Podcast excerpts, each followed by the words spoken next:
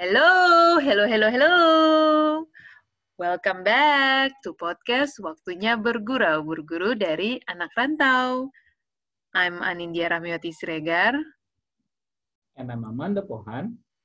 Will be your host for this podcast.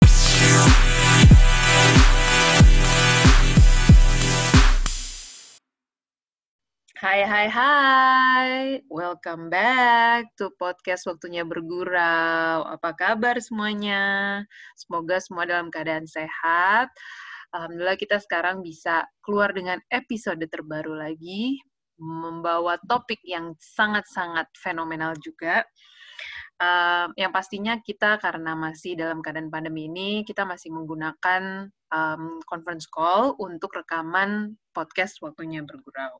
Oke, Nat, sebelum kita kenalan sama bintang tamu kita hari ini, kita berdua mengucapkan terima kasih dulu di Nat buat teman-teman bergurau yang sudah ngasih uh, saran, kritik, dan feedbacknya yang udah masuk di Instagram kita ya, Nat, di podcast waktunya bergurau.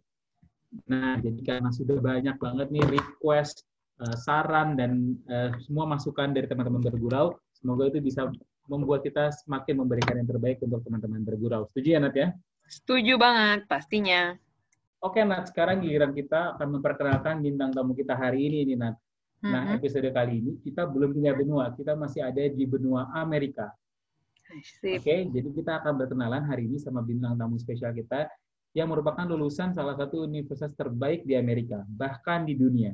Kita akan kulik banyak hal pendidikannya di sana dan soal bisnisnya yang luar biasa banget. Nanti kita akan tanya banyak tentang bisnisnya juga ya. Kalau gitu kita langsung okay. perkenalkan, ini dia bintang tamu kita hari ini, ada Zafira Lubis. Hai Fir. Hai, halo, halo. Amanda. Hai Min. Thanks Hai, apa kabar Fir? Baik, alhamdulillah. Ini lagi di sela-sela uh, makan siang school from home. luar okay. biasa, luar biasa. Tetap ya. Kita memasuki bulan udah hampir hmm. akhir, bulan kelima ya, mau memasuki bulan keenam nih sekolah di rumah luar biasa, nggak nyangka Betul. suatu hari. Mantap, terima kasih loh kita dikasih waktunya. Vira bisa uh, cerita dikit lagi juga uh, dulu pas di US tuh ngambil jurusan apa dan tinggal di kota apa? Oke, okay, uh, buat teman-teman yang baru join dengar, aku namanya Zafira Lubis. Uh, sekarang aku founder dari babylonia.com. Mm -hmm. Jadi aku sekarang seorang entrepreneur. Uh, kita punya penyewaan barang bayi dan mm -hmm. juga ibu. Yes. Nah, uh, dulu nih, not too long ago, tahun 2010, wow. aku 2010 ya? ya pokoknya uh, tetap 17 tahun plus-plus lah nih usia ini memang jadi di tahun 2010 alhamdulillah aku mendapat kesempatan untuk sekolah uh, melanjutkan S2 di bidang hukum. Jadi apa ya, gelarnya itu LLM, Legum Magister uh, di Columbia University di New York City. Gitu. Nah, di sana aku belajar hukum tapi hukum bisnis. Uh, hmm. Jadi um, banyak belajar tentang capital market, merger dan akuisisi. Terus um, aku juga di sana hmm. sempat ngambil uh, cross apa tuh namanya istilahnya? Okay. Aku mengambil kelas business school juga. Waktu itu hmm. mengambil financial statement analysis. Um, hmm. Ambil uh, ada terus ada kelas-kelas yang digabung lagi dengan business school karena kan kaitannya business law itu uh, erat banget ya dengan hmm. dengan bisnis sendiri.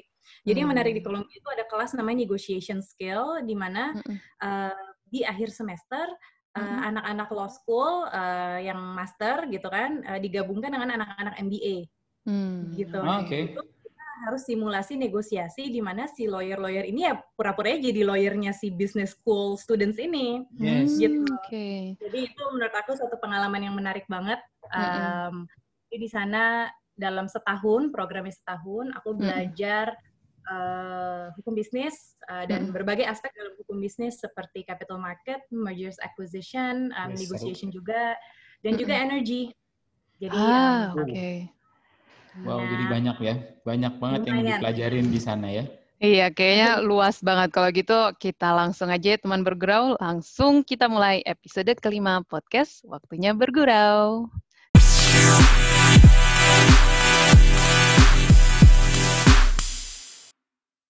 Tadi perkenalan kayaknya udah seru banget, banyak banget yang uh, dipelajarin di Amerika waktu uh, masuk di Columbia University. Pertanyaan pertama nih, first question yang kita selalu tanyain ke teman-teman kita yang kita ajak untuk ngobrol juga nih di podcast kita. uh, apa sih Fir motivasi uh, lo untuk ngambil S2-nya tuh di Amerika gitu? Apa apa ada motivasi-motivasi nggak sih yang kenapa lo mesti pilih ke Amerika, kenapa nggak negara lain atau ada apa sih? Kenapa sih Fir? Oke, okay, jadi first of all, aku tuh cita-cita banget jadi lawyer dari SD. Nah, wow. gara-gara nonton Ellie McBeal. Wow. wow. SD dia udah nonton itu loh, Bu. Dan terinspirasi dari film juga ya. Jadi luar biasa. Iya, kayaknya Ellie McBeal itu muncul di saat kita mau mau naik SMP gitu kali ya. Terus di situ aku melihatnya kayaknya seru nih maksudnya um, pekerjaan yang di mana kebetulan aku senang mendebat ah, okay. unfortunately tapi maksudnya uh, maksudnya aku senang banget uh, berargumen in a good sense gitu ya kayak aku yeah, senang yeah. mempertanyakan banyak hal gitu terus uh, yeah. apa namanya dan aku melihat oh si Ali Mukbil ini menggunakan skill ana analytical skillnya dia dan juga skill untuk berbicaranya dia hmm. untuk uh, bekerja gitu kan dan bekerjanya hmm secara idealnya untuk membela kebenaran gitu kan kalau lawyer dan Eli Mobile itu kan sebenarnya pidana ya kalau nggak salah. Jadi aku belum kebayang tuh uh, apa namanya aku belum kebayang ada namanya hukum bisnis gitu. Nah hmm. begitu SMA um, meskipun aku ngambil IPA, aku tetap uh, ditanya sama orang tua kayak kamu nanti mau ngambil jurusan apa? Aku kayaknya pengen banget hukum gitu karena hmm. aku suka sejarah dan aku kayaknya hmm. lebih tertarik ke hal-hal yang um, kayak social studies gitu ya. Aku suka sejarah. Padahal SMA-nya itu di IPA ya? Kenapa? Padahal SMA-nya itu IPA, tapi tetap tetap. Iya, SMA-nya di IPA, tapi wow. tapi waktu SMA juga aku ikut ini, uh, aku mendirikan tim debat sekolah. Luar biasa. Um, emang suka ya, uh, debat itu emang udah hobi hobi. Mungkin itu jiwa Horas yang tertanam. oh iya iya benar. Betul sekali. Semua hal didebatin ya, semua hal didebat. Itu, Mm-mm. Iya, jadi waktu SMA itu uh, aku mendapatkan a little touch of um, what lawyering looks like gitu. Aku sama teman-teman mendirikan apa namanya tim debat uh, SMA mm. di SMA 8. Terus kita daftar sendiri tuh ke lomba-lomba dan alhamdulillah sekolah tuh support gitu ya. Jadi kita mm. uh, dialokasikan waktu untuk um, ikut debat dan di situ kita jadi belajar oh debat tuh ada caranya loh gitu, nggak mm. asal debat kusir gitu kan kayak mm. ada tiga sesi, orang pertama ngomong apa, orang kedua ngomong apa, gimana cara counter argument, gimana cara riset gitu. Dan aku makin mm. tertarik dengan apa ya? Um, dengan uh, menganalisis tema eh, tema-tema yang pada saat itu menjadi tema lomba debat gitu. Mm-hmm. Nah, uh, begitu kuliah, aku kekeh mengambil hukum. Jadi pilihan mm-hmm. pertama aku tuh hukum. Mm-hmm. Alhamdulillah berhasil masuk. Mm-hmm. Nah, setelah kuliah itu aku sempat uh, di semester 7-8 aku sempat volunteer.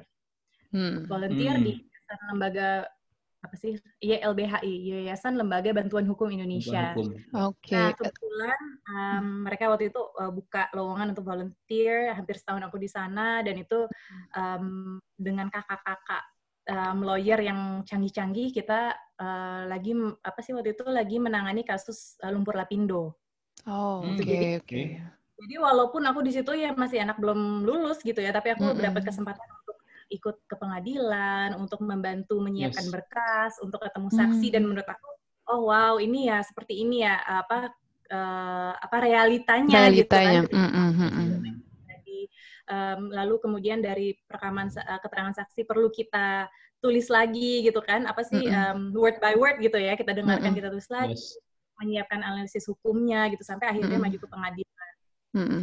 Nah ketika SM uh, eh, ketika lulus mm-hmm. alhamdulillah um, aku kerja di sebuah law firm di Jakarta mm. dan di situ um, uh, aku mengambil di di FHUI itu aku ngambil jurusannya jurusan hukum dalam ekonomi jadi pas mm. udah masuk situ baru tahu oh hukum itu ada macam-macam ya jurusannya jadi ada perdata mm. pidana ekonomi ada hukum dan masyarakat ada HTN tata mm. negara ada administrasi negara jadi ternyata dunia hukum itu luas banget gitu hmm. dari situ.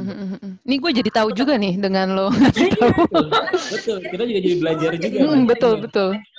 Iya, hmm. jadi kayak orang pikir kan kayak oh lawyer itu ya kalau nggak pidana perdata gitu. Hmm. Tapi ternyata ada pidana. Kalau saya dulu sampai ada tujuh jurusan ya. Jadi pidana hmm. perdata, hmm. um, terus hukum acara pidana dan perdata, oh. terus ada hukum ekonomi, hukum HAN, HTN, uh, hmm. administrasi negara dan tata negara, sama hukum dalam masyarakat.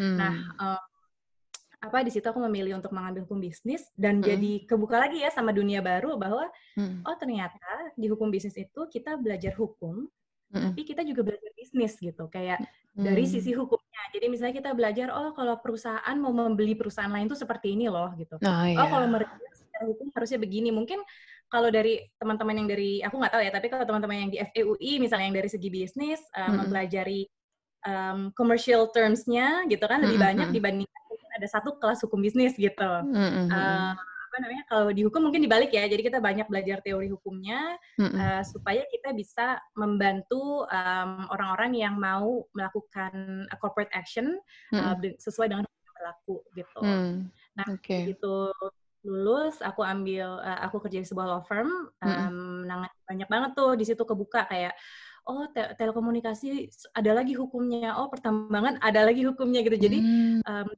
pun banyak lagi bidang-bidangnya dan di situ aku ngerasa kayaknya kalau S2 ini akan membantu aku untuk um, pertama lebih spesialisasi lagi nih ke salah satu bidang hukum yang aku minati. Waktu itu um, uh, merger dan akuisisi gitu. Oh ya. Kemudian aku kenapa pilih di Amerika? Karena setelah aku lihat uh, tanya-tanya, aku baca-baca uh, Mm-mm. banyak yang rekomen di Amerika itu belajarnya lebih praktikal, jadi banyak praktek-praktek. Terus Mm-mm. kalau di sana itu kan sistem hukumnya beda banget sama di Indonesia ya. Iya. Kalau di Indonesia mm-mm. kita mengikuti hukum Belanda dulu gitu kan, jadi Mm-mm. semuanya berdasarkan undang-undang. Sementara Mm-mm. kalau di Amerika itu berdasarkan presiden, jadi berdasarkan keputusan-keputusan hakim yang sudah ada gitu. I Jadi aku tertarik banget um, melihat um, perbandingan dan perbedaan itu sebenarnya antara Amerika dan Kebetulan pula waktu lagi S, um, S1 itu kan kita harus bikin skripsi. Mm-mm. Terus dosen pembimbingku itu kayaknya aku benar-benar terbuka lagi ya matanya sama beliau karena di skripsi itu beliau bilang gini, kalau bikin Hmm. skripsi jangan hanya berdasarkan hukum Indonesia dong. Kamu lihat di Amerika tuh seperti apa. Kita banding- bandingkan dengan negara lain. Dan di situ Hmm. beliau ngasih aku buku-buku banyak banget tentang em, hukum di Amerika. Kenapa aku milih Amerika ya justru karena berbeda banget ya sama di sini. Em, Iya, mm-mm. I want to learn ya, sistem yang berbeda dan hopefully ketika kembali aku bisa mempraktekkan menerapkan apa yang bisa diterapkan supaya membuat apa yang di Indonesia ini lebih baik gitu. Hmm, Tadi kan kita udah ngomongin negara ya, kenapa ke Iya. Amerika gitu. Nah, sekarang tuh uh, kenapa Vira milih Columbia University School of Law? Um, university itu kenapa? Dan tips and trick-nya nih buat yang teman bergurau lagi pada mau ke sana, kira-kira apa? Jadi waktu apply sekolah itu uh, kebetulan kan kita milih tuh dari US News World Ranking ya kalau nggak salah ya dulu yang ada tuh Mm-mm. 2009 ya itu beda banget sama sekarang pasti informasinya. Iya, Nah, iya. Cuman um, dulu tuh ada kayak US News World Ranking kalau nggak Hmm. salah itu yang diikutin banget sama orang-orang rankingnya. Mm, mm-mm. Nah kebetulan di situ aku pilih dari top I think top 5 atau top 10 um, law school Mm-mm. uh, yang kira-kira sekolahnya punya program yang menarik buat aku. Jadi Hmm. eh, pertama programnya menarik, kedua kotanya menarik untuk ditinggali. Wah, itu ternyata penting ya, kotanya juga tuh kan, biar kita Itu betah penting, gitu. itu penting, benar. Mm, mm, mm, mm. jadi jadi waktu itu aku apply ke lima sekolah, ada um, Columbia, ada uh, UCLA, terus Hmm. ada Northwestern University di Chicago, Oke. terus ada apa lagi ya dua lagi aku agak lupa. Oh Georgetown University di Washington DC, Oke. satu lagi aku agak lupa apa. Alright, Cuman, alright. eh, nah eh, di situ juga pas aku minta rekomendasi ke Mm-mm. ke, ke seorang senior, beliau Mm-mm. bilang kayak, ah ini eh, lo nggak punya cadangan nih katanya. Hmm. Eh, ini sekolahnya tough loh to get into gitu. Terus aku Hmm. bilang ya enggak sih, insya Allah. Karena orang tua aku tuh support banget. Mereka tuh bilang kayak, you Mm. either go to the top school or nggak usah gitu. Coba lagi tahun depan gitu. Hmm. Um, jadi mindsetnya adalah coba dulu to the go to uh, kayak coba dulu apply to the best schools. Um, Hmm. Kalau misalnya memang nggak dapet tahun depan bisa coba lagi gitu loh mindsetnya. Jadi Mm, mm, mm, um, dengan dukungan penuh dari orang tua um, dan sedikit nekat ya udah aku tetap apply. Mm, mm, mm. Um, walaupun waktu itu ada orang juga yang bilang kayak ah kayaknya um, lo kayaknya nggak akan ada deh uh, uh, apa Ivy League school yang mau nerima anak kecil dari Indonesia gitu. Hmm. wow. Dapat komentar kayak kayaknya pilihan lo tuh terlalu ambisius gitu, maksudnya Hmm. terlalu kayak udah lo ambil aja uh, cadangan-cadangan yang mungkin lebih mudah kutip tanda kutip gitu untuk dimasukin. Mm, mm, mm, mm. Cuman aku uh, Bismillah aja dengan Bismillah dan restu dari orang tua aku tetap apply uh, Mm-mm. ke lima itu dan alhamdulillah dapat semua nih. Oh berarti satu wow. lagi gitu. Jadi dapat semua, benar-benar dapat semua tuh, Fir. Iya, alhamdulillah. Jadi aku waktu itu wow. mantap. Berkeley satunya lagi. Jadi awalnya tuh yang keluar itu si Georgetown. Hmm. Di Washington hmm. DC. Kebetulan orang tua aku dulu kuliahnya di George Washington, jadi di DC hmm. juga gitu okay. Terus um, tadinya udah ya udah deh pasrah nih maksudnya kayak alhamdulillah udah dapet Georgetown seneng banget dong gitu kan. Terus yeah. bulan Desember, uh, bulan Februari keluar pengumuman dari Berkeley. Hmm. Nah, uh, keluar pengumuman dari Berkeley, uh, berarti si Georgetown ini kata ya setelah diskusi sama orang tua kayaknya ambil Berkeley deh gitu kan. Mm -hmm. kayaknya kita ambil Berkeley. Oke, okay, California here I come. Nah, ini juga mungkin teman-teman yang buat teman-teman yang lagi apply, um, mm -hmm. ketika aku dapat Berkeley kan ada tiga sekolah yang belum keluar decisionnya, yaitu mm -hmm. UCLA, Northwestern, sama Columbia. Mm -hmm. Northwestern sama UCLA itu dulu rankingnya di bawah Berkeley sedikit.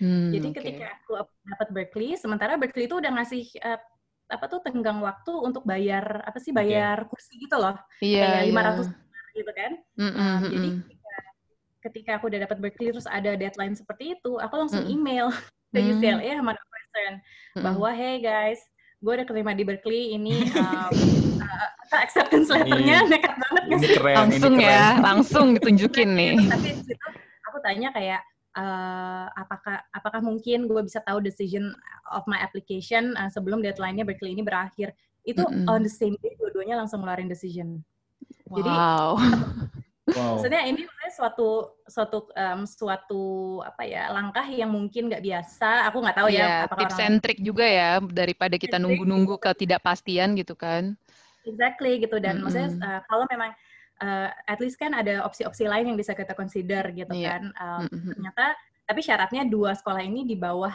Berkeley ya uh, sedikit mm-hmm. gitu ya rankingnya. Yeah. Nah, alhamdulillah di hari di hari yang sama juga mereka mengeluarkan keputusan, mm-hmm. tapi aku nggak berani uh, email Columbia karena. Oh. Nah, makanya baru mau nanya, kalau untuk Columbia sendiri gimana? gue nggak berani um, apa email Columbia karena Columbia tuh rankingnya kalau saya tuh dulu top 3 ya um, hmm. apa um, jadi aduh gue bener-bener nggak mau sentuh deh takutnya mereka ngambek terus malah iya. gitu. jadi bayangan teman-teman um, Columbia itu aku apply-nya November oh. uh, Februari keluar Berkeley ya kan um, mm -hmm. terus akhirnya aku harus bayar 500 dolar Berkeley karena aku pikir Columbia tuh nggak ada kabar aku nggak diterima kan oh. dan ternyata baru putusannya tuh bulan April jadi oh, almost oh. Desember, Januari, Februari, Maret, April. Ya, almost six months setelah gue apply tuh keputusan Columbia baru keluar. Lumayan lama juga ya, maksudnya dan dan Lumayan mepet lama. juga kan. Mulainya berarti yes. apa tuh Agustus, September? Mulainya itu Agustus kalau okay. di Columbia. Oke. Okay. Jadi sebenarnya Columbia itu udah nggak ngarap-ngarap banget sebenarnya ya, Fit? Aku udah aku udah ini cari student housing di Berkeley karena Columbia sudah lah oh, gitu. Iya kan, iya iya. iya.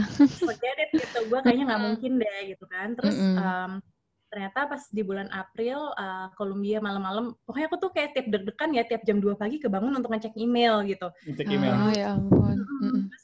Gitu dapat uh, email dari Columbia da, uh, apa alhamdulillah diterima aku langsung bangunin orang tua aku kayak aku dapat Columbia terus papa aku langsung nangis. Masya Allah. ha ya, haru nih gue langsung. Iya terus uh, aku tanya ke mereka kayak jadi gimana ya aku mendingan Berkeley atau Columbia gitu dan kebetulan mm. uh, orang tua bilang ya udah kayaknya lebih cocok ke Columbia ya karena apa lebih banyak capital marketnya juga waktu itu terus mm. um, dan di New York juga gitu jadi um, and it's Ivy League lah kalau kata papaku dulu gitu mm. ya maksudnya mm. although although menurut aku itu it's not something yang um, gue kejar banget sih status mm. Ivy League itu lebih mm. kepada programnya cocok untuk aku Oke. Okay. Ya udah akhirnya aku apply ke eh aku ini deh ke Columbia. Wow. Follow up ya. Mm -mm. Menyinggung sedikit nih tentang uh, dukungan dari orang tua lah ya untuk pada saat uh, proses pil dari pilih university sampai akhirnya dilibatkan untuk uh, pas keterima dan lain-lainnya. Menurut Vira sendiri sepenting apa sih Vir dukungan keluarga dalam menentukan si jenjang pendidikan apalagi nih di US ya, apalagi ini di Amerika gitu dan nantinya mungkin lo bakal tinggal sendiri di sana Seberapa penting sih Fir dukungan-dukungan dari keluarga itu Fir? Kalau buat aku, kalau orang tua aku nggak mendukung seperti itu, mungkin aku bakal ciut banget sih, jujur. Hmm, Karena yeah, yeah. Um, uh, banyak yang aku, yang aku dapatkan justru discouragement ya kayak um, gila lo mau apply ke situ lo yakin malah digitu-gituin sama orang yeah, yeah, gitu. Yeah. Uh, yang bikin drop apa, gitu kan.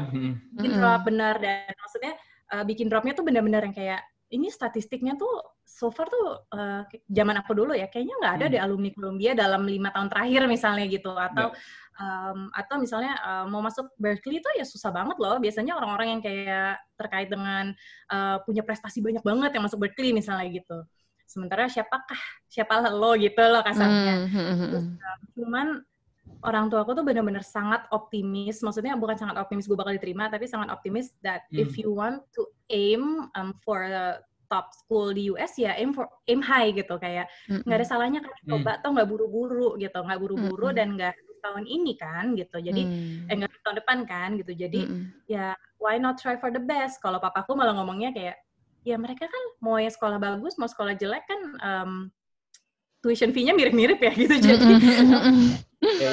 Mayan juga ya, ya semuanya. Ya, in terms of investment perspective gitu, -hmm. in terms of investment perspective ya kita coba uh, pilih sekolah yang sebaik mungkin. Oh, terus ada lagi satu um, mm. saran yang aku terima yang bagus banget. Itu kalau mm -hmm. saya dari papaku deh. Mm -hmm. Intinya dia bilang, mm. kalau mau pilih sekolah, dia bilang gitu, pilihlah sekolah yang lo bangga menjadi alumninya. Mm. Gitu. Oke. Okay.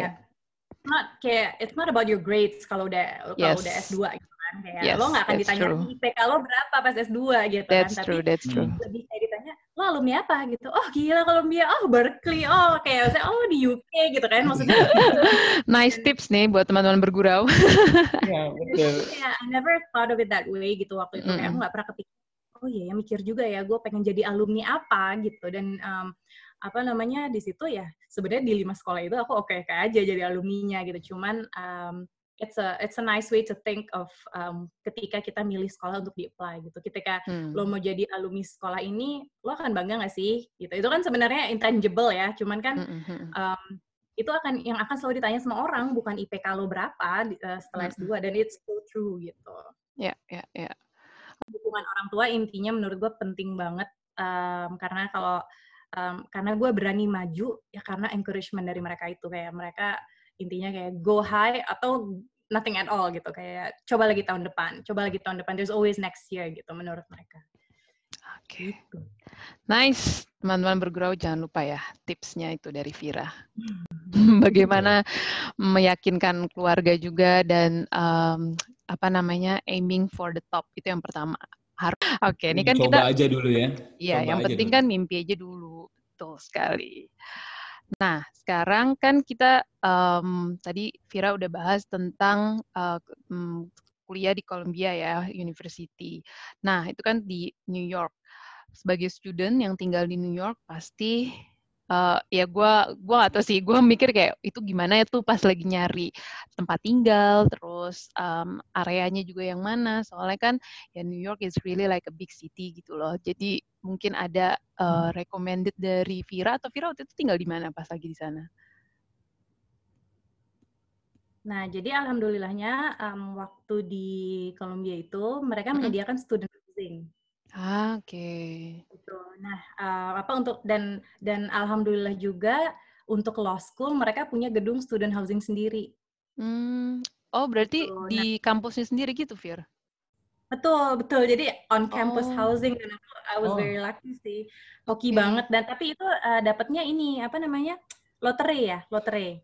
Oh. Jadi oh undian, um, undian, diundi. Iya, jadi kalau nggak salah uh, mereka tuh menyediakan beberapa opsi housing kayak international house um, student housing gitu. I hope uh, gue lupa namanya apa.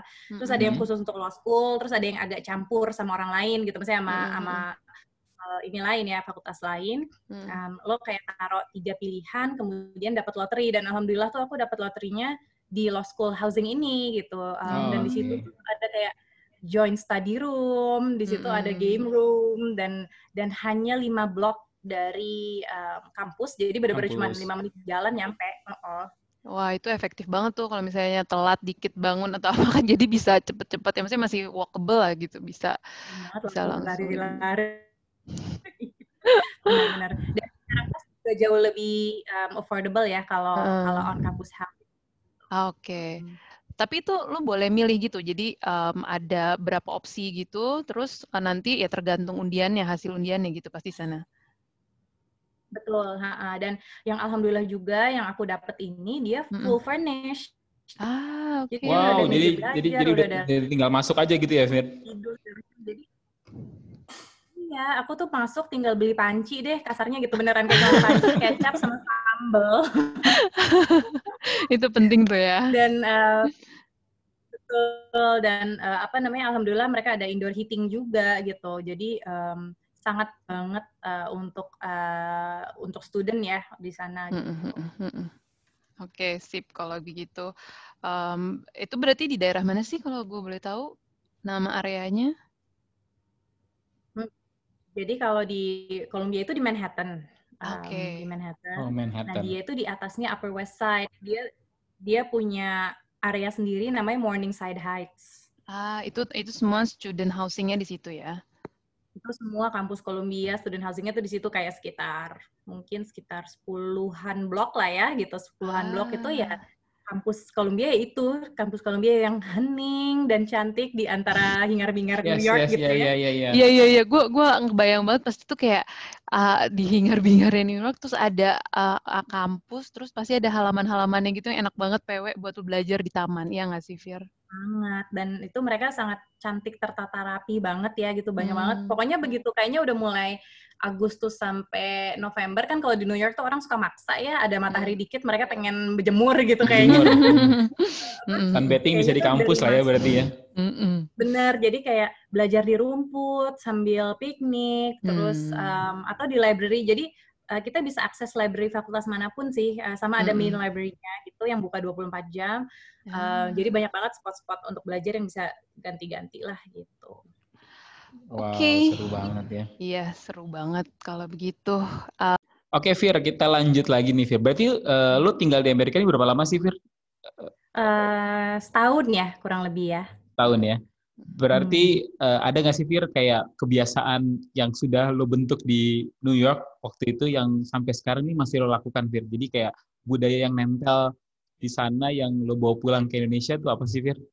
Setelah, setelah tinggal setahun di Amerika ya, di New York tepatnya. Ya, ya. Budaya on time, sis. Oh, oh itu itu penting sih, benar. Betul, betul. Penting banget. Karena hmm.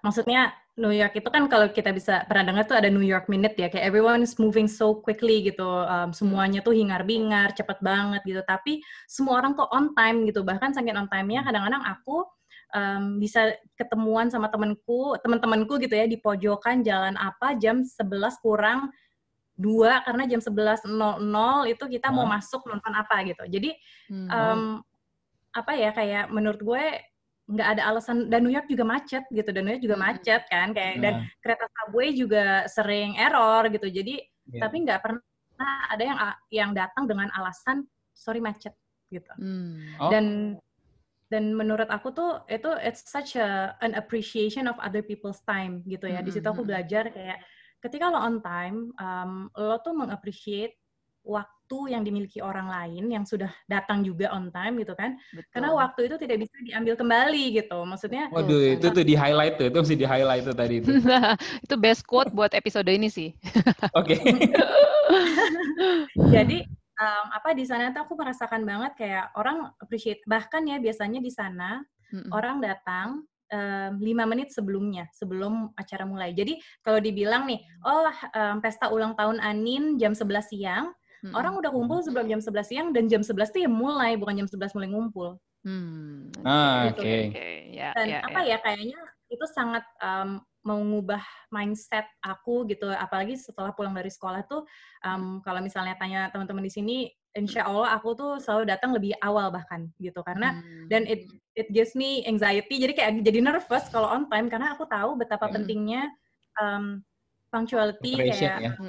iya eh, ketepatan waktu waktu aku hmm. di Amerika itu gitu kan dan hmm. itu tuh ngaruhnya pengaruhnya tuh tanpa disadari besar loh karena um, lo jadi bisa uh, mengukur Eh, hal-hal uh, yang perlu dilakukan sebelumnya dengan lebih tepat. Yes. Jadi misalnya, mm-hmm. oh gue mau ketemu Anin di restoran jam 11, berarti kira-kira gue jalan 5 blok 5 menit, berarti at least mm. dari apartemen gue harus maksimal jam segini, berarti gue harus mandi, gue mandi mm-hmm. 30 menit, berarti jadi eh, itu kan uh, melatih kita juga untuk mengukur ya apa yeah, klasifikasi Tuhan kita gitu kan, apa yang perlu kita betul. siapkan, apa yang perlu kita lakukan to get there on time gitu dan um, kalau misalnya oh. lo datang tuh semenit telat aja orang bete banget sih.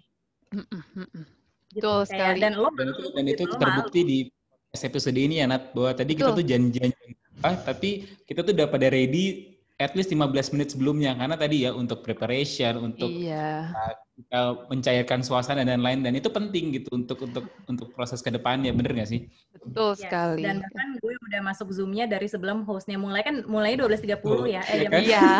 Tadi gue udah mulai. Udah yang penting klik awalan dikit dulu. gitu. gue tadi kayak selesai Amanda uh, prepare prepare terus gue kayak ke toilet dulu kan pasti kan. Terus habis itu gue kayak ya udah deh nih masih uh, apa namanya 12 29 12 28 tadi gue ya udah gue buka aja. Hmm. Soalnya kadang kan Zoom suka loading lama gitu ya. Terus ternyata Vira udah ada, Almanda Puan juga udah ada. Alhamdulillah ya. Alhamdulillah ya.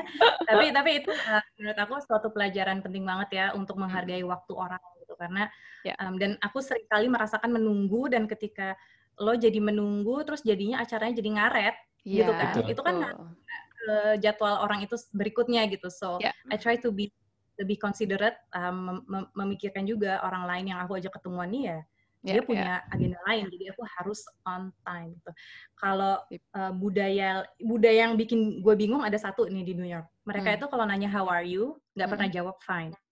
Jadi ah. mereka nanya how are you jawabannya how are you? lagi. Jadi kayak terus nggak nggak akan beres-beres gitu ya? Terus kayak saling cerita saling cerita terus kan? Jadi cuma gini kayak hey how are you? How are you? gitu. Udah jawabannya juga. Terus lama-lama gue sampai nanya dosen gue kayak um, um, siapa ya waktu itu ada dosen American Law gue gitu. Terus gue hmm. tanya kayak I notice di New York nih orang tuh nggak necessarily looking for answer gitu. Kalau lo nanya how are you? gitu kan. Hmm. karena mereka juga kayak basa-basi gitu ya maksudnya kesannya ya. Dan dia baru notice iya ya ternyata kita tuh kalau ngomong how are you jawabannya juga how are you. Kayak hey how are you? Doing hey how are you? Gitu. Nggak ada good nggak ada I'm fine how are you? Gitu jarang Ah, oke okay, oke. Okay. Unik juga ya di sana ya. Iya. Nah, itu baru tahu juga nih setelah obrolan ini gue baru tahu juga ternyata ada kayak gitu. Iya iya iya. Gue gue pas lagi ke sana mungkin gue kurang sensitif kayak pas lagi orang how are you how are you mungkin gue kurang sensitif. Tapi good to know juga sih Fir. Iya iya iya. Oke. Nah, tadi kan uh, udah udah sempat kesebut juga nih kalau cantiknya Columbia University itu seperti apa. Tapi pasti ada dong uh, favorite spotnya Vira tuh di kampus apa-apa. Jangan-jangan perpustakaan mungkin yang tadi 24 jam gitu. Atau mungkin tamannya, uh, I don't know, mungkin bisa diceritain Vir? Sebenarnya benar sih. Uh, jadi oh benar, benar. Ternyata benar. Tapi bukan si perpustakaan 24 jam, Nin. Jadi hmm. kebetulan karena aku tinggalnya on campus, di hmm. seberang aku tuh ada uh, fakultas namanya Teachers College. Jadi di situ kayak mereka mengajar filosofi, terus untuk guru-guru gitu ya. Hmm. Itu benar-benar di seberang jalan dan di situ uh, perpustakaannya boleh bawa makanan masuk. Nah, ah, okay. itu enak tuh kalau gue tuh nggak boleh bawa makanan, nggak boleh ada handphone, nggak boleh ngomong ah udah silent room gitu. Betul, betul. Jadi Belanda. Jadi maksud biasanya aku uh. akan belajar di law school um, apa kalau di uh, law school library itu uh, sampai kira-kira jam makan malam gitu ya. Nanti aku yeah. keluar beli bagel atau apa, aku pindah ke yang teachers college di seberang apartemen gitu. Ah, Karena di situ bisa lebih malam dan aku bisa sambil yeah. makan. Iya, iya, iya. Aku comfortable banget sih. Okay. Dia biasanya library nggak boleh bawa masuk makanan kan ya? Iya, iya. Iya kan jarang-jarang boleh bawa makanan, boleh kan jadi bisa sehari-hari di situ bisa sampai semalaman mungkin. Iya. ya, dia tutupnya jam 11 malam sih. Jadi jam Tuh, kan apalagi jam 11 ya. Uh, uh, aku harus pindah lagi ke yang 24 jam atau balik ke apartemen gitu. Jadi kan Fir, kita udah cerita-cerita nih Fir, pas lo di uh, New York ya, pas uh, menempuh kuliah di Columbia University. Sekarang kita balik ke Indonesia nih Fir, setelah lo menempuh uh, pendidikan lo setelah selesai uh, S2 di sana, balik ke Indonesia, lo tadi sempat cerita juga di depan tadi bahwa lo saat ini adalah sebagai uh, founder dari Babylonia ya. Yang which is gue adalah salah satu customer lo nih, Fir. sebagai bapak beranak dua yang sangat... Betul.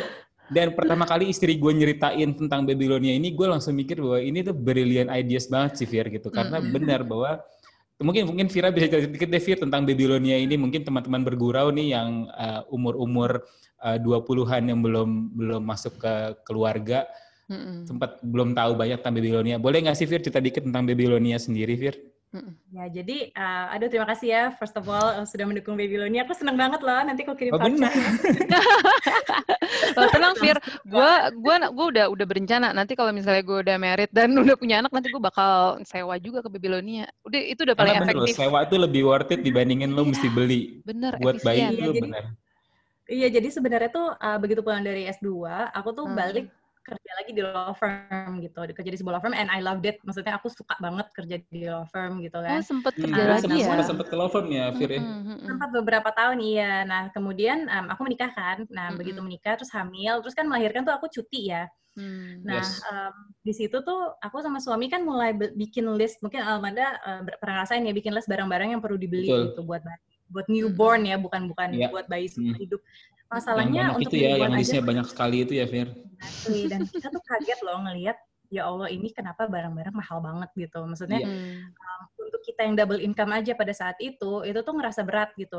Kenapa? Betul. Karena pertama itu mahal, kedua hmm. barangnya susah dicari gitu kan, yang hmm. premium ya. Dan yeah. ketiga hanya dipakai sebentar gitu. Jadi yeah. kayak nggak make sense banget gitu dan aku bilang sama suamiku ini over breakfast gitu sebelum uh, sebelum dia pergi kantor kayak ini andaikan barang-barang ini tuh bisa gue sewa, gue bakal sewa deh gitu. Karena selain hmm. barang-barang yang tiga bulan habis masa pakainya ini, um, banyak barang-barang lain yang perlu dibeli kayak kapas, alkohol swab, yeah. ya kan, hmm, hmm, barang-barang yang habis dipakai gitu. Dan um, setelah bayinya juga udah outgrow the the items, mereka harus ganti ke barang-barang lain yang lebih besar sesuai yeah. usianya. Nah terus suamiku bilang waktu itu kayak coba deh uh, kamu cari gitu, ada nggak tempat yang udah nyewain barang. Nah dulu itu 2014 ya, jadi enam tahun yang lalu aku cari-cari di Instagram, kebetulan udah ada tuh beberapa um, hmm. apa namanya online uh, apa online rental ini ya rental. shops gitu hmm. ya. Hmm. hmm, hmm.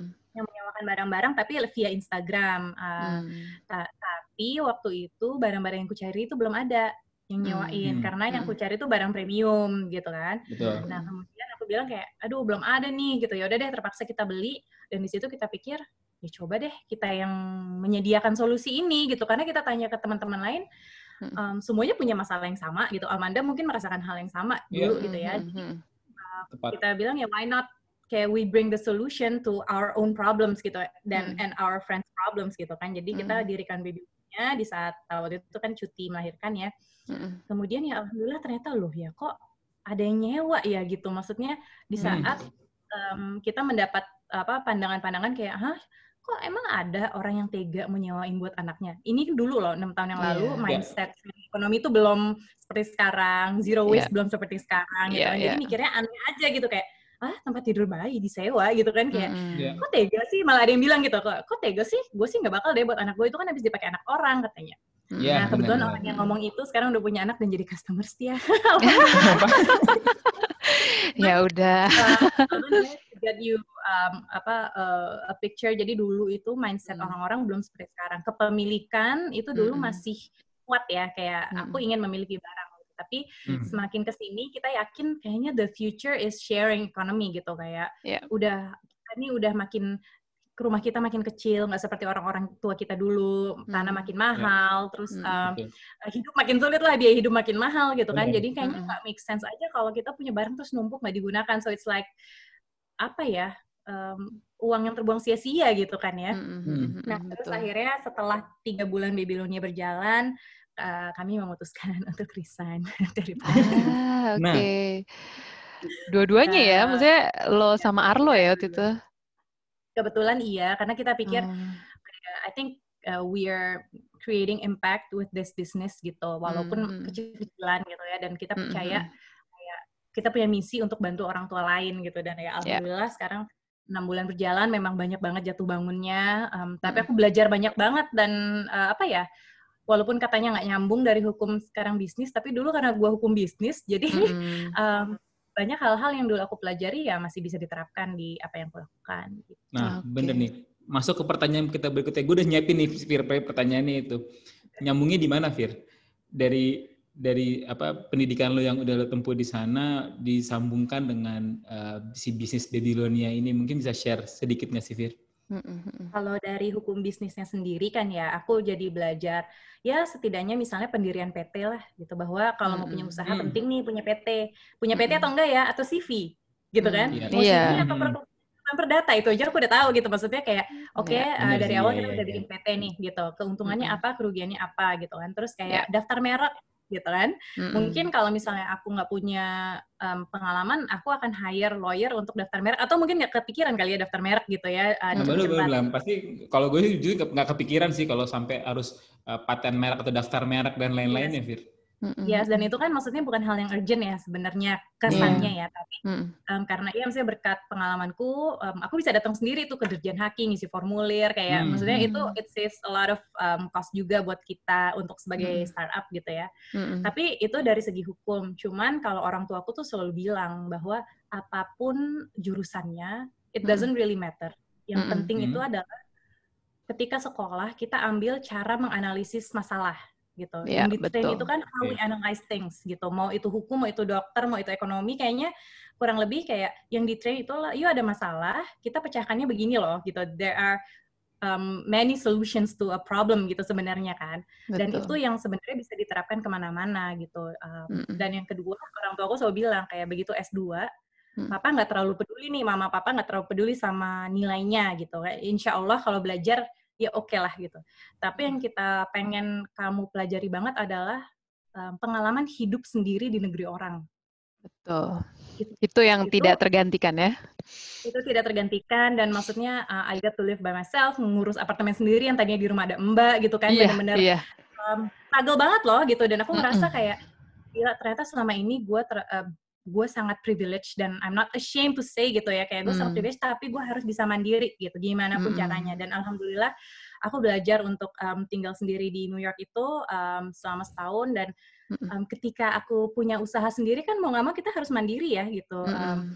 apa namanya modalnya terbatas misalnya mungkin Amanda um, kalau misalnya pernah lihat Babylonian 6 tahun yang lalu barangnya dikit banget kayak kita cuma Ya. mulai dari 8, 8 barang punya anak Hmm. sendiri lagi Mm-mm. dan then kayak aku sama suamiku bilang ini kita nggak akan bisa gede-gede nih kalau kita harus beli barang dulu di depan karena barang bayi itu mahal Ya, terus ya. um, modal kita terbatas ya kan dan Mm-mm. balik modalnya baru tahun ke depan kali itu pun kalau balik modal gitu kan mm-mm. Uh, jadi ya dari keterbatasan itu kayak we have we have to find another way. Nah Yeah. di sisi lain customer-customer kita itu udah mulai um, udah mulai curhat gitu kayak ngomong Hmm. kayak "Eh, Mbak tahu gitu dari dulu gue nyewa aja nih banyak banget nih barang numpuk di rumah gitu. Iya, benar. Jadi kebuka kan sekarang Exactly dan mereka situ kita ngeliat pikirannya. Mm-mm. Heeh, kita ngelihat gini, oke satu berarti ada problem baru nih yang kita Mm. temukan yaitu um, banyak orang-orang yang udah punya barang tapi numpuk di rumah nggak dipakai. And then we Iya. also have a problem kayak kita Iya. inventory itu mahal banget gitu. Di situ Mm-mm. kita ngelihat "Hmm, gimana kalau kita buka titip sewa Ah, iya, gitu. Jadi betul, betul. itu uh, bisa jadi win-win solution bagi si Babylonia bisa dapat inventory gratis tanpa harus Mm-mm. bayar di depan. Mm-mm. Bagi si penitip sewa, kita bantu mereka ngosongin rumahnya plus kita bantu mereka cari penghasilan tambahan. Nah, itu penting Karena tuh.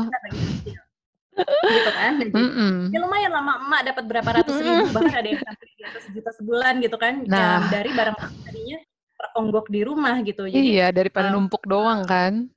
Ya dan kalau menurut aku eh, main apa yang aku apa dari pendidikan yang aku sudah anyam itu mau Mm-mm. itu dari SD SMP SMA kuliah dan S2 Mm-mm. em, yang aku pakai banget adalah kayak analytical skills sih dan Iya. itu em, problem solving semangat untuk problem solving yang terus menerus ya Iya. namanya dalam hidup ya terus aja datang problem ya kan kayak Betul. Kalau nggak nggak seru kan hidup ya. Kalau nggak ada problem. Iya dan maksudnya kalau untungnya suamiku juga em, sejalan gitu ya. Jadi kita Iya. melihat nih di Babylon dengan berbagai keterbatasan yang kita miliki ya kita harus bisa memikirkan em, apa solve apa bisa solve problem-problem ini dengan cara yang kreatif. Nah Iya. itu kan menurut Mm. aku itu secara garis besar bisa ku dapatkan pas sekolah-sekolah kemarin gitu. Oke. Nah, sekarang nyambung nih ya. Maksudnya kan tadi kita udah bahas em, tentang gimana dari S2 sampai ke bikin bisnis gitu kan. Eh, hubungannya apa, seperti apa.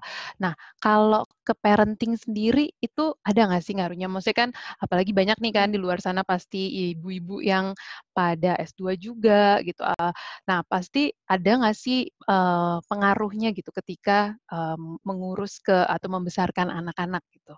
Mungkin eh, bisa ya, diceritain. Fir.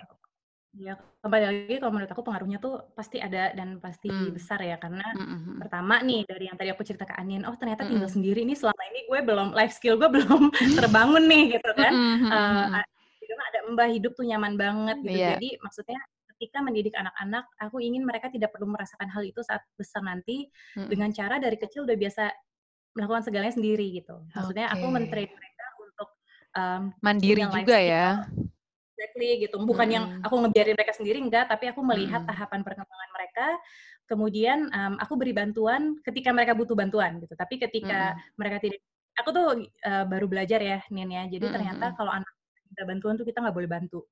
Ah, Jadi okay. itu iya membuka mata banget karena um, aku ikut training orang tua di sekolah anak-anak dan di, di situ dibilang ketika kita bantu anak tanpa dia minta, kita merampas kesempatan dia belajar. Ah, oke, okay. I see. Anaknya haus gitu kan. Kalau yeah. gampang ya sini udah ambil minumnya gitu kan. Betul. Sementara um, sementara sekarang dengan ilmu yang sudah aku dapat itu ketika anakku bilang aku mau minum, aku bilang, alhamdulillah kamu sudah tahu kamu haus. Jadi perlu apa? Even ah. anakku yang dua ah. setengah tahun sekarang udah bisa ambil minumnya sendiri gitu tanpa oh. mbak pun gitu kan. Jadi mm -hmm. ya hopefully um, apa dari um, pengalamanku terkaget-kaget gitu ya tinggal mm -hmm. sendiri, mm -hmm. mereka bisa lebih memasuki usia dewasa dengan lebih mandiri dan lebih siap gitu. Nah yang mm -hmm. kedua um, kembali lagi dari sekolah uh, aku ngerasa kayak the more you know, the more you don't know, ya nggak sih? Ah, Terus, ya. uh, betul, betul. Jadi, uh, itu itu di apply ke ke parenting begitu jadi orang tua tuh kayak gila gue nggak tahu apa-apa ternyata maksudnya hmm. um, semakin kita belajar aku dan suamiku kebetulan di sekolah anak-anakku tuh ada training orang tua gitu kan um, dan suamiku ikut trainingnya cukup panjang hmm. di situ kita belajar ya Allah banyak banget loh yang perlu kita ubah dari hmm. diri sendiri sebelum kita bisa ngajarin anak-anak gitu kan hmm, okay. kita kan modeling mereka gitu. Kita tuh contoh mereka. Jadi simple banget kayak misalnya dibilang ya gimana kita mau ngajarin anak-anak untuk sopan, berperilaku hmm. sopan kalau kitanya sopan sama mereka. Hmm. Misalnya kita ngomong kayak ya sopan dong sama bunda kok kamu gitu sih tapi kita ngomongnya begini kan gak sopan juga sama mereka ya kan iya. itu kan hal-hal yang di situ ya Fir justru sulitnya di situ ya maksudnya untuk orang tuanya sendiri untuk mengubah ini di umur di umur kita yang sekarang gitu ya Fir betul enggak jadi ngerasa kayak kita semua udah terbentuk nih 30 mm -hmm. 20 sekian tahun lah ya gitu sebelum mm -hmm. kita menjadi orang tua Mm -hmm. Tapi sekarang lo punya pilihan gitu. Oh ternyata memper, memperlakukan anak itu harus dengan hormat gitu kan, harus dengan mm -hmm. uh, sesuai usianya. Jadi misalnya kita udah umur 30 ya pakai pakai sepatu ya cepet tapi ketika anak kita tiga tahun kita nggak bisa ngeburu-buru mereka dong gitu kan kadang-kadang kan kita kayak eh udah telat nih masuk yeah, mobil yeah. kok lama banget sih pakai sepatu mm-hmm. itu kan sebenarnya kita yang tidak mengerti tahapan perkembangan mereka so um, kayaknya kalau yang buat aku humbling experience banget jadi orang tua ketika mm-hmm. menyadari bahwa oke okay, first of all gue harus mengakui gue banyak kekurangan nih mm-hmm. kedua gue harus berubah gitu gue nggak bisa maksudnya kayak we have a kita udah adult dan kita mm. bisa punya pilihan untuk menyerah dengan keadaan misalnya gini ya iyalah gue kayak gini habis gue dulu gitu habis gue dulu kurang ini kurang itu yes. atau mungkin hmm. dulu orang tua gue begini ya gue begini juga gitu kan hmm. itu suatu sebuah pilihan atau kita mau do we want to repeat the cycle gitu kan hmm. atau kita mau generasi bawah lebih baik lagi walaupun itu kesannya muluk-muluk ya tapi kayak hmm. if you actually try to change gitu um, dan aku ngerasa banget um, apa ya mudah-mudahan ya perbedaan di anak-anak itu at least ada gitu so I think just keep on learning dan kalau yang dari mindsetnya adalah the more you know the more you don't know itu kayaknya berlaku bagi semua aspek hidup gue sih. Kayak nggak mm -mm. bisa berhenti belajar karena ya um, ada pas aku ikut training orang tua itu ya dibilang kayak the only time you stop learning is when you die ya kan? Jadi uh, hidup itu semuanya belajar. Makanya untuk anak-anak aku tidak pernah memisahkan bilang sama mereka ayo kak kamu harus belajar. Dan belajar itu maksudnya duduk ngerjain soal gitu. Enggak. Tapi semua itu adalah proses belajar dia. Jadi aku tidak memisahkan nih uh, kapan dia belajar, kapan dia tidak gitu. Jadi um, dari dari kegiatan sehari-hari yaitu integrated learning ya. Jadi um, pasti ada sainsnya, pasti ada mathnya, pasti ada hmm. itu yang ribet gitu kayak gimana kita memasukkan unsur-unsur itu uh, ke kegiatan sehari-hari anak-anak gitu dan membuat mereka menjadi happy learners kan. Um, -hmm. Mereka itu tujuanku banget kayak aku pengen mudah-mudahan anak-anak tuh selalu senang belajar, mm-hmm. tidak terpaksa dan bisa mendiscover kayak learning by discovery gitu tanpa di Oke. Okay. Ya, ya, gitu. betul. Keep on learning, guys. Right? Dan salah satu dengerin podcast ini adalah dapat pelajaran yang dari awal tadi buat gue sendiri aja, jadi gue banyak banget dapat ilmu baru sih di Oh pasti, pasti buat gue juga. Gue udah take note kok untuk semuanya. Nanti oh, ketika gue jadi... ya, ya. Kalau jadi ibu juga nanti harus begini. Terima kasih loh Fir, luar biasa. Fir, terima kasih sekali lagi atas sharing dan ngobrol-ngobrolnya. Jadi uh, semoga ini buat teman-teman bergurau bisa jadi inspirasi ya untuk tadi ya terus belajar, terus berkembang karena pendidikan yang kita tempuh di mana pun ya, entah itu di luar negeri ataupun di sini, mm-hmm. itu akan berpengaruh ke semua bagian kehidupan kita ya, Fira, ya. mulai dari keluarga, mm-hmm. dari bisnis, dan sampai bagian-bagian terkecil tadi lah yang Vira ceritain tentang uh, efek dari pendidikan yang uh, dapat di sana gitu, Fira. Ya. Betul dan um, ini thank you banget Anin dan Amanda udah uh, mengundang aku di sini hari ini. Aku juga mau kasih info kalau um, sejak aku pulang S2 itu hampir setiap tahun aku mentoring juga orang-orang yang ah. mau apply LLM. Hmm. Oh, Oke, okay. Gitu. nice open kalau ada yang mau kontak, mau nanya mm -hmm. esainya, mau dikirimin esaiku dulu juga boleh. Jadi wow, uh, uh, aku senang kalau ada orang yang mau apply uh, LLM kebetulan karena aku dulu LLM ya. Jadi. Mungkin bisa bantu LLM atau mungkin jurusan lain aku bisa bantu liatin um, esainya. Mm -hmm. uh, tinggal email aku aja ke zafira.lubis@gmail.com. Alright, okay. wow, terima kasih banget Fir. Yeah. Kalau begitu, Amanda Pohan, Sebelum kita tutup nih Nat, kita juga jangan lupa kita mau ngingetin juga untuk teman bergurau kalau mau ngasih saran, kritik, masukan dan request kira-kira di episode mm -hmm. berikutnya kita mau uh, bahas negara mana atau university mana, bisa langsung message aja ke kita di at podcast waktunya bergurau. Betul okay? sekali. Jadi terima kasih teman bergurau sudah mendengarkan episode kali ini. Uh, semoga banyak pelajaran yang pastinya kita bisa ambil dari seorang Zafira Lubis hari ini ya. Betul. Oke teman bergurau, thank you for listening. See you on next episode. Anindya Siregar. Amanda Pohan, dan jangan lupa dengerin terus our podcast Waktunya Bergurau, Berguru dari Anak Rantau. Stay healthy guys. Bye-bye. Bye.